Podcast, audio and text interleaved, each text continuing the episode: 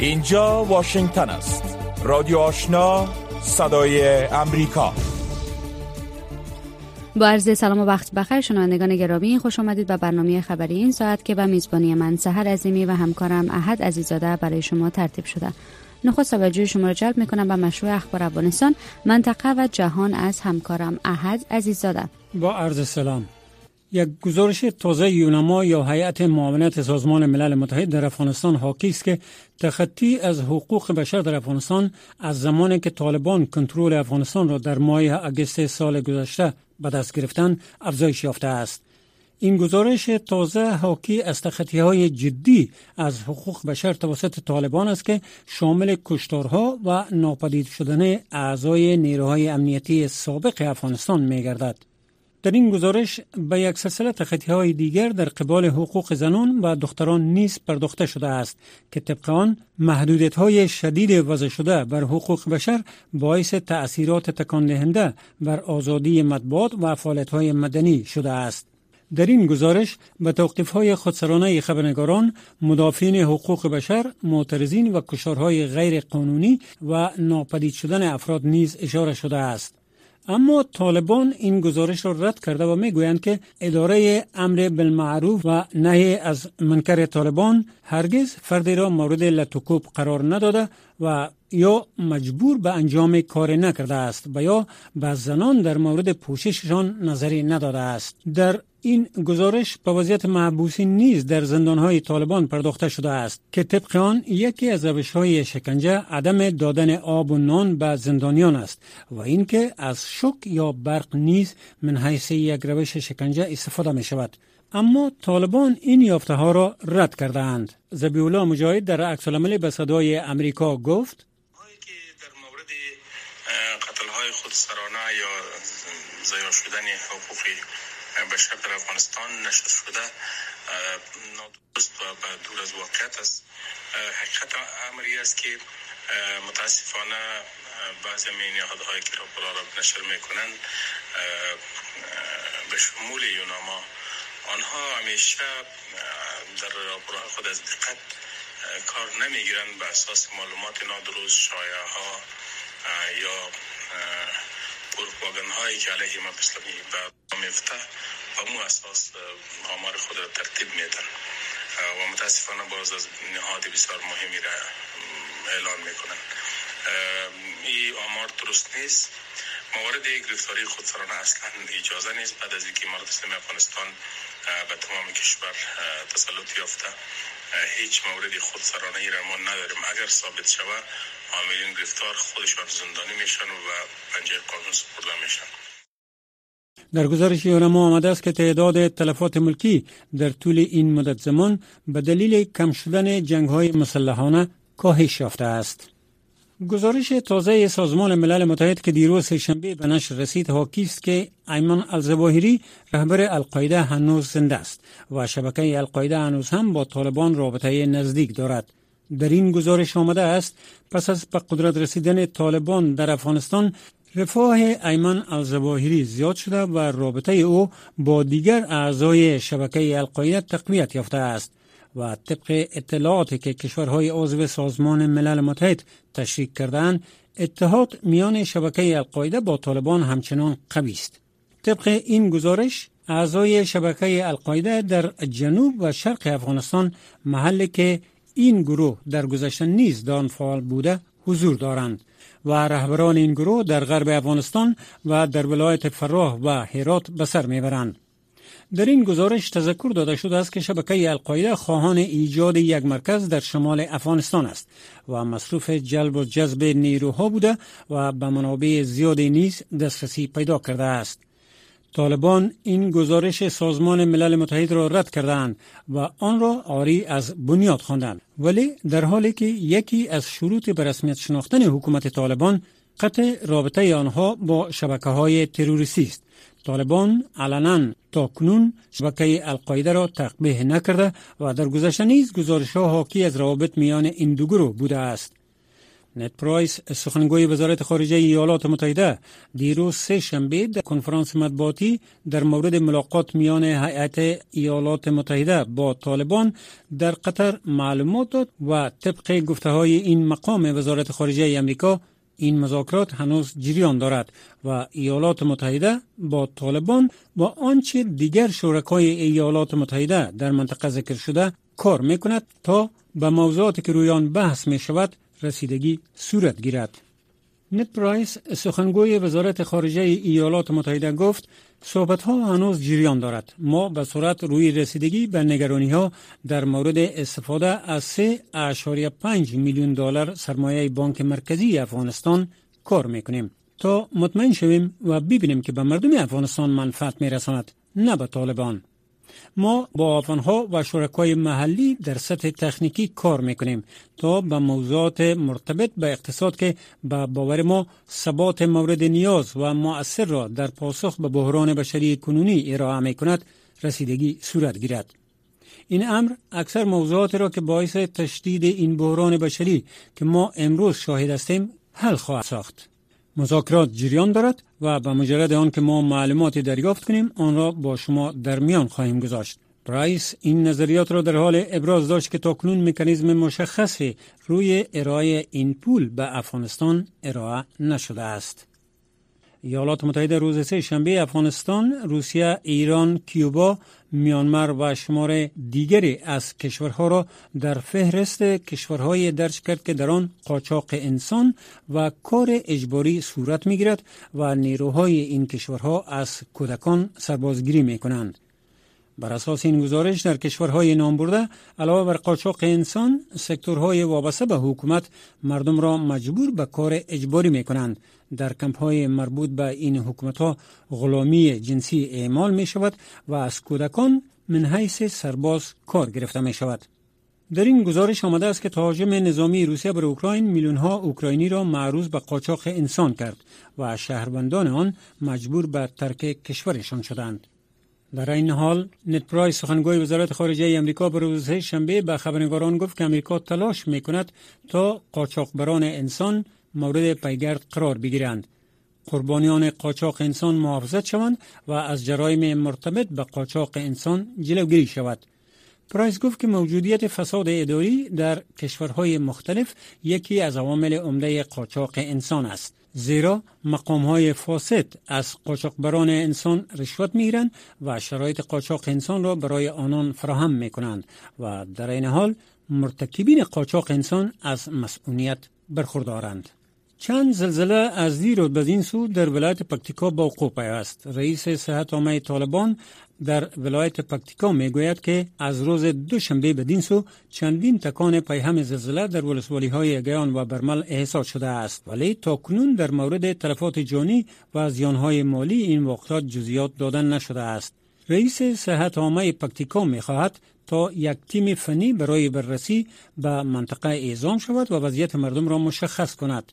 در زلزله نیرومندی که در ماه جون در پکتیکا و خوست با وقوع پیوست بیش از یک هزار تن جان باختند و صدها تن دیگر زخم برداشتند. دفتر مفتش ویژه ایالات متحده برای بازسازی افغانستان یا سیگار در گزارش تازه می‌گوید که پس از تسلط طالبان بر افغانستان در ماه اگست سال گذشته وضعیت بشری در این کشور به وخامت گرایده است. در این گزارش آمده است که 22.8 میلیون افغان نیاز فوری به مواد خوراکی دارند. سیگار این معلومات را با استناد به اسناد اداره کمک های دوستانه وزارت خارجه امریکا نوشته است. این گزارش می که این نیازمندی به مقایسه سال گذشته دو برابر شده است. در این گزارش آمده است که تعداد بیجا شدگان داخلی افغانستان که به دلیل جنگ ها در ماه اگست سال 2021 به 670 هزار می رسید اکنون به 710 هزار نفر افزایش یافته است. ادامه اخبار از رادیو آشنا صدای امریکا امروز چهارشنبه مامورین اطفایه مصروف خاموش کردن دو حریق در جنوب غرب فرانسه بودند و می‌گویند که به دلیل بهبود وضعیت هوا قادر گردیدند تا این حریق ها را مهار سازند طبق معلومات مقامات محل وسعت این حریق ها بیش از 20 هزار هکتار زمین را در بر می‌گیرد و از هفته گذشته به این سو 37 هزار نفر مجبور به تخلیه مناطق خود شدند. مامورین اطفای می‌گویند که با کاهش دمای هوا که به 40 درجه سانتیگراد رسیده بود آنها قادر شدند تا این حریق ها را مهار سازند پلیس محل در رابطه با چگونگی آغاز حریق بزرگ در منطقه بغدا یک مزنون را توقیف کرده است و انتظار می رود که این فرد امروز یا متهم به این اتهامات گردد و یا از بند رها شود. یک منبع نظامی در عراق می گوید که امروز چهارشنبه در تهاجم در منطقه منزوی در شمال بغداد شش پلیس کشته و هفت تن پلیس دیگر مجروح گردیدند. طبق معلومات مقامات امنیتی عراق حدود ده الی 15 جنگجوی گروه داعش یا دولت اسلامی بر این مرکز پلیس در نیمه شب حمله کردند و این حمله حدود یک ساعت به طول انجامید. حملات مشابه پراگنده توسط گروه داعش در برخی مناطق عراق محلی که در آن این گروه در سال 2017 شکست خورده بودند صورت می‌گیرد که آخرین حمله عمده از این نو است که مسئولیت آن را گروه داعش به عهده گرفته است این در حال است که 2500 نظامی امریکایی و 1000 عسکر ائتلاف از سال 2022 بدین سو در عراق من حیث مشاورین و آموزش دهندگان نیروهای عراقی حضور دارند. و خبر اخیر اردوی چین روز چهارشنبه گفت که عبور یک کشتی ایالات متحده در تنگه تایوان تحریک آمیز است زیرا این کشور به طور مکرر در این منطقه اقدامات خطرناک امنیتی انجام می دهد. رادیو آشنا صدای امریکا منبع موثق خبرها و گزارش های جهان و افغانستان و حالا می رسیم به بخش گزارش های این ساعت. انتونی بلینکن وزیر خارجه و الهندر مایورکس وزیر امنیت داخلی امریکا با نشر اعلامیه مشترک گفتند که متقاضیان جدید ویزه ایسایوی یا ویزه خاص مهاجرت برای افغانها سر از همین هفته نیاز نخواهند داشت. برای ویزه خاص مهاجرت فرمای جداگانه خانه پوری کنند. این تلاش ها برای تسهیل پروسه درخواست ویزا برای افغانها در نظر گرفته شده است. با این حال یک وکیل مهاجرت در نیویورک می‌گوید سیاست های واشنگتن پیشبرد پروسه اقامت بشری و این ویزا را تحت تاثیر قرار داده که باعث می شود مراحل اجراعات ویزا طول بکشد. جزت بیشتر از ژیلا نوری. وزارت خارجه و وزارت امنیت داخلی ایالات متحده اعلام کردند که برای تسهیل روند ویزای سایوی سر از این هفته درخواست کنندگان نیاز ندارند. برای ویزای خاص مهاجرت فرمه های جداگانه را خانه‌پوری کنند.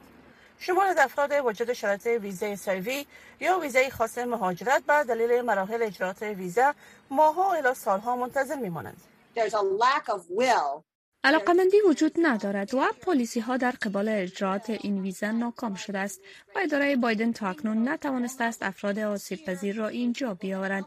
کسانی که طی سالها برای امریکایی ها کمک کردند خانواده این افراد سایوی در خطر جدی قرار دارند و حکومت طالبان اعضای باقی مانده خانواده آنها را در افغانستان با عنوان جاسوس یا خائن می شمارند این روند جدید که به منظور مسئله ساختن این برنامه روی دست گرفته شده است گفته می شود که در حذف موانع و کاهش میاد زمان درخواست ها کمک خواهد کرد.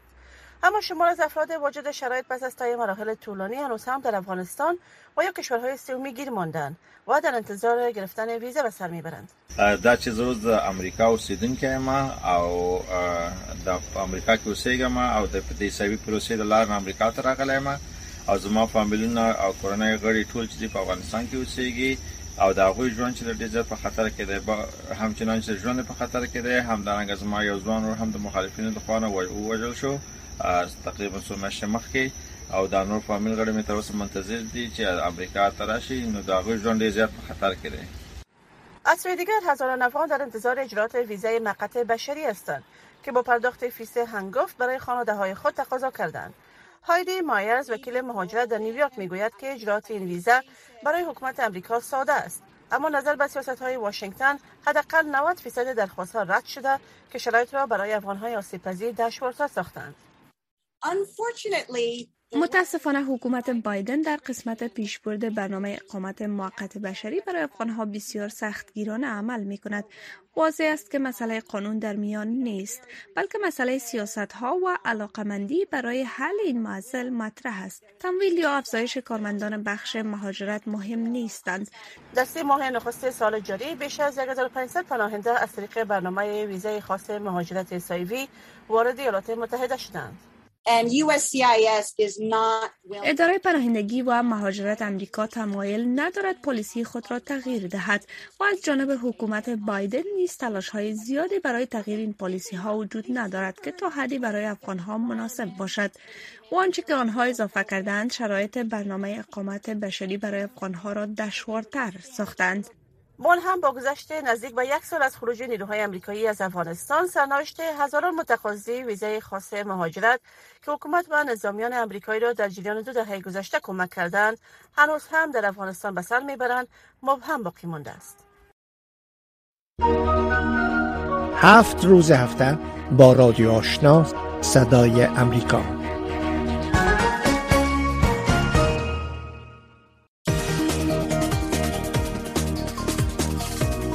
صدای امریکا رادیو آشنا صد پنج اف ام.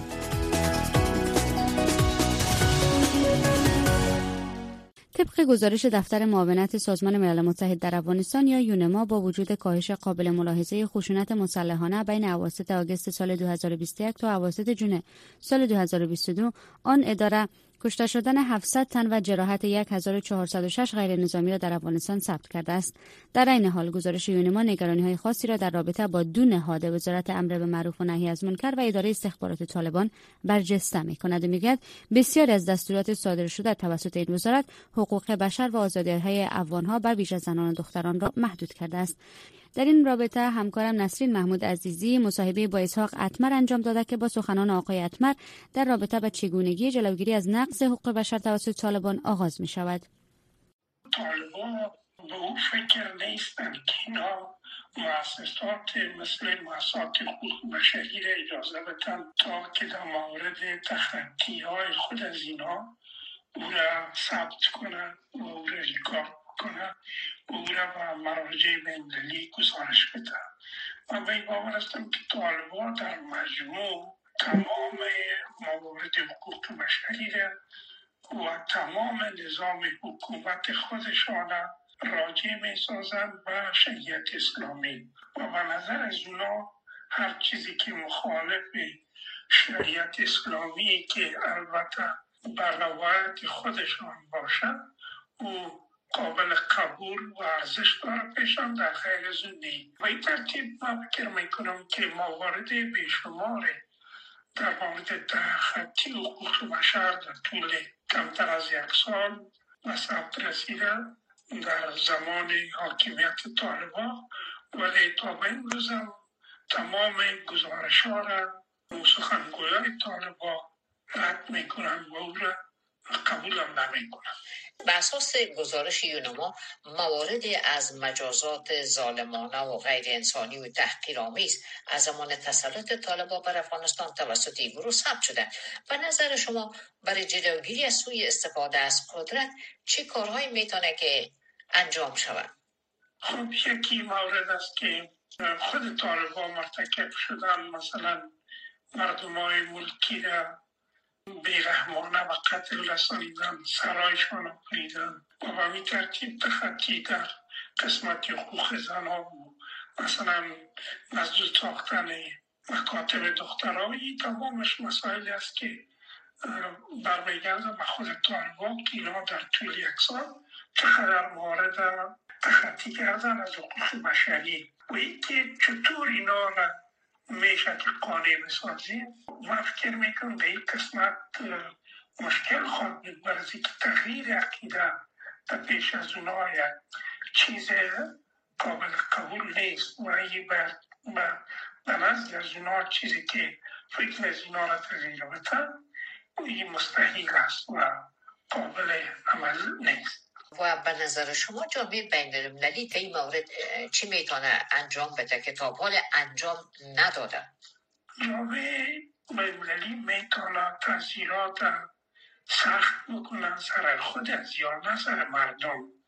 در مورد رساندن کمک های بشری باید اونا و مردم افغانستان کمک های خود ادامه بدن ولی موجودیت های می‌تونن سر دارایی های رهبری طالبا سر سفر رهبری طالبا در ملاقات ها با رهبری طالبا کسایی که در رهبری طالبا درست سیاه هستند کسایی که در رهبری طالبا به اصطلاح سرشان جایزه تعیین شده اون ده میلیون دلار پنج میلیون دلار اینی مورد است که جامعه جهانی می‌تونه فشارهای لازم از سر رهبری طالبا بیاره ولی که اونا متاسفانه خودشان میگن که از اون کسایی که اونا دلست بسیار بوده سرشان جایزه این شده و اصطلاح نمایندهاشان میشینن که از اونا صحبت می‌کنن اینا آزادانه و کشورهای همسایه سفر می‌کنن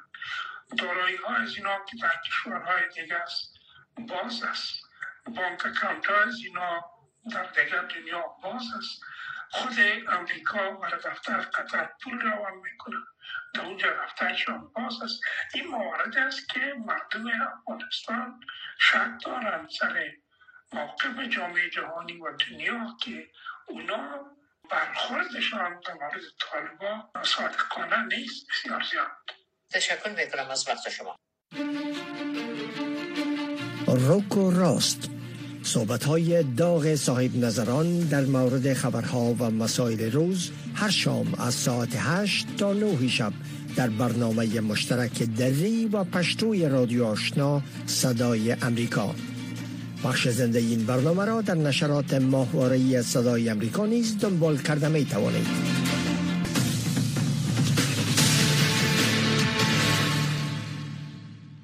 فرار مغزها و تنزیل ظرفیت انسانی متعاقب روی کار آمدن حکومت طالبان یکی از مشکلات عمده به شمار می رود که تاثیرات منفی آن در هر عرصه و سکتور جامعه از بخش‌های حرفه‌ای تا سیاسی و اجتماعی حس می شود. تاثیر پدیده فرار مغزها بر آینده افغانستان و کادرهای آن کشور چه خواهد کرد؟ در این مورد لینا روزبه مصاحبه با آقای حیدر عدل تحلیلگر امور سیاسی انجام داده است که با هم مشنویم.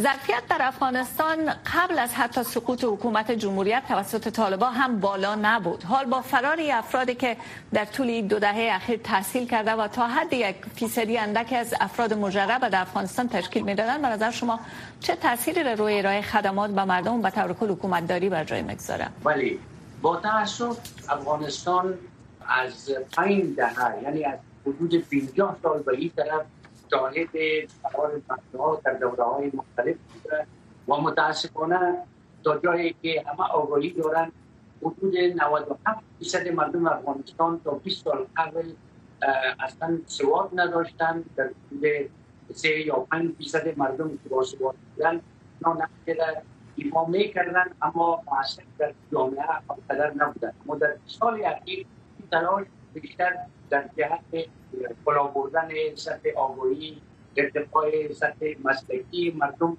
صورت گرفت مکاتب پاهنتون ها ایجاد شد و بیشتر از سی یا چل فیصد مردم دانستن که تحصیل بکنن آموزش های مسلکی بگیرن. اما متاسفانه با آمدن طالبا این حالت این مسئله یک بار دیگر یک نوع فاجعه بار آورد با اونهایی که توانمندی های مسلکی داشتن با آمدن طالبان از کشور فرار کردن و یک تعداد دیگه هم متاسفانه از طریق کشورهای عضو ناتو که تحقیل در فضای افغانستان بودن اینا هم همکاران خود که تحصیل یافته ها بودن لسان میفهمیدن و حتی چند لسان خارجی بلدیت داشتن. اینا را هم متاسفانه از افغانستان بیرون کردن. حالا بله. افغانستان در فقر مسلکی قرار داره. که ای از لحاظ فرهنگی سیاسی اجتماعی بله. بالای کشور به نهایت اثر منفی داره و مردم در یک حالت بلا تکلیفی قرار دارن که نمی‌دانن چی بکنن. بله این می‌تونیم در یک کلمه بگوییم که فاجعه قرن است. بله. خب در حالی که حکومت طالبان تا سه هفته دیگه یک ساله میشه این حکومت در هر سکتور از ارائه خدمات به مردم ناکام مانده چرا که جنگجویان از این اکثرا بی سواد هستند ولی حکومت طالبان می‌خواد به نوع برخی از کادرهای حرفه‌ای را دوباره مقامات را به افغانستان باز بگردانه. به نظر شما ظرفیت حکومت طالبان را شما چطور ارزیابی می‌کنین در عرصه حکومت داری در افغانستان؟ با تاسف در طول 11 ماهی که ما شاهد هستیم هیچ نوع انکشاف در عرصه های مختلف چی از اجتماعی چی سیاسی و مسئولیتی نداشته و اینها یک طرف فشارهای را برای مردم افغانستان وارد می‌کنند.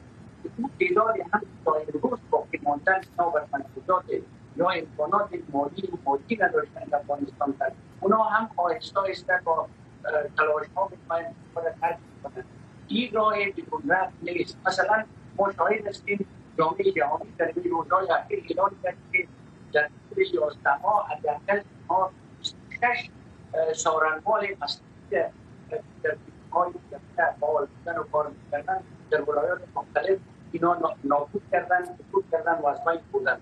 همینطور در بخش اردو و مسئولیت دیگه. اینا بله. هم باعث از این میشه که مردم از ترس فرار بکنن. هم دولت شما تاثیر طویل المدت این مسئله را در حال که طوری که گفته حکومت طالبان از همکنون در سکتور اقتصادی مالی حتی صحی رسیدگی به زلزله زدگان در ولایت مختلف ناکام مانده چی خواهد بود؟ به نظر شما در آینده افغانستان در این سکتورها با چه های مواجه خواهد شد؟ به دلیل فرار مغزها و کارهای مجرب. زمانی که کشور خالی از نیروهای مصرفی و قوه بشری در اونجا یگانه چیزی که بیشتر می‌تونه رشد بکنه مسئله افراطیت و بعد از تروریسم است که این به نهایت خطرناک است. نه تنها برای مردم افغانستان بلکه برای همسایه ها و منطقه و حتی جهان. اگر طالبا به این شیوه که تا امروز ادامه دادن بیشتر ادامه بدن و نتونن جلوی خودکامگی های افراد و اشخاص را که در رأس قدرت ها امروز زیر نام ملا و مجاهد و امثال از اینا قرار دارن جلو از اینا را نگیرن واضح هست که افغانستان به طرف افراطیت و در نهایت به طرف تروریسم میره که در اون حالت کشور ما به لانه تروریست در آن تبدیل. هفت روز هفته با رادیو آشنا صدای امریکا. امروز چهارشنبه مامورین اطفایی که مصروف خاموش کردن دو حریق در جنوب غرب فرانسه بودند گفتند که به دلیل بهبود وضعیت هوا قادر شدند این آتش ها را مهار کنند. طبق معلومات مقامات محل وسعت این حریق ها بیش از 20 هزار هکتار زمین را در بر می‌گیرد و از هفته گذشته بدین سو 37 هزار نفر مجبور به تخلیه مناطق خود شدند. در حالی که بخشهایی از اروپا با گرمای شدید آتش های جنگل ها و خشکسالی شدید مقابله می کند گزارش های وجود دارد که می‌گوید این وضعیت به شمول فرانسه کشوری شدیدا متکی به زراعت بازدهی محصولات در این قاره را کاهش خواهد داد این در حالی است که محاصره غله اوکراین توسط روسیه قبلا مصرف کنندگان را متاثر کرده است لیزا براینت در این مورد گزارشی دارد که برگردان آن را فوزی احسان پیشکش می کند. صدای جوانان است که روز سهشنبه در اطراف آبشار در پاریس به تفریح پرداختند جایی که گرمی هوا به 37 درجه سانتیگراد رسیده بود. عملی اطفایه در جنوب غرب منطقه ژغون در تلاش خاموش کردن شعله های عظیمی که هزاران هکتار زمین را تخریب کرده و شهر تولید کننده واین بردو را دود آلود نموده است. یک گزارش که اتحادیه اروپا در این هفته منتشر کرد نشان می دهد که حدود نیمی از قلمرو اتحادیه اروپا در خطر خشکسالی قرار دارد. در این میان فرانسه در بین حدود شش کشور به شدت آسیب پذیر قرار دارد. هوای خشک برخواسته از آتش سوزی طبیعت را متاثر نموده و پیش بینی شده که تولید غذا و انرژی را اخلال خواهد کرد این در حالی است که تاثیرات جنگ اوکراین قبلا در این دو منطقه محسوس بوده است شعبه اجرایی اتحادیه اروپا پیش بینی کرده است که تولیدات غلات در سراسر اتحادیه اروپا در سال جاری نسبت به سال گذشته کمتر و در حدود 2.5 فیصد خواهد بود. در این حال بسیاری ها انتظار وضعیت بدتر از این را دارند و به اساس پیشبینی دانشمندان علوم طبیعی امواج گرما و خشکسالی در اروپا بسیار مکرر و شدید خواهد بود. یک زاری از منطقه علب به تلویزیون فرانسه گفت او بیم دارد که کمبود آب سبب ممنوعیت آبیاری در هفته های آینده شود که به گفته وی اگر این مسئله رخ بدهد برای مناطقی که کشت شده مصیبت به بار خواهد آورد. در این بخش می‌رسیم به پایان سرویس خبری این ساعت از رادیو آشنا صدای آمریکا. برنامه های زنده ما تا دقایق دیگر آغاز می شود شنونده برنامه های ما باشید.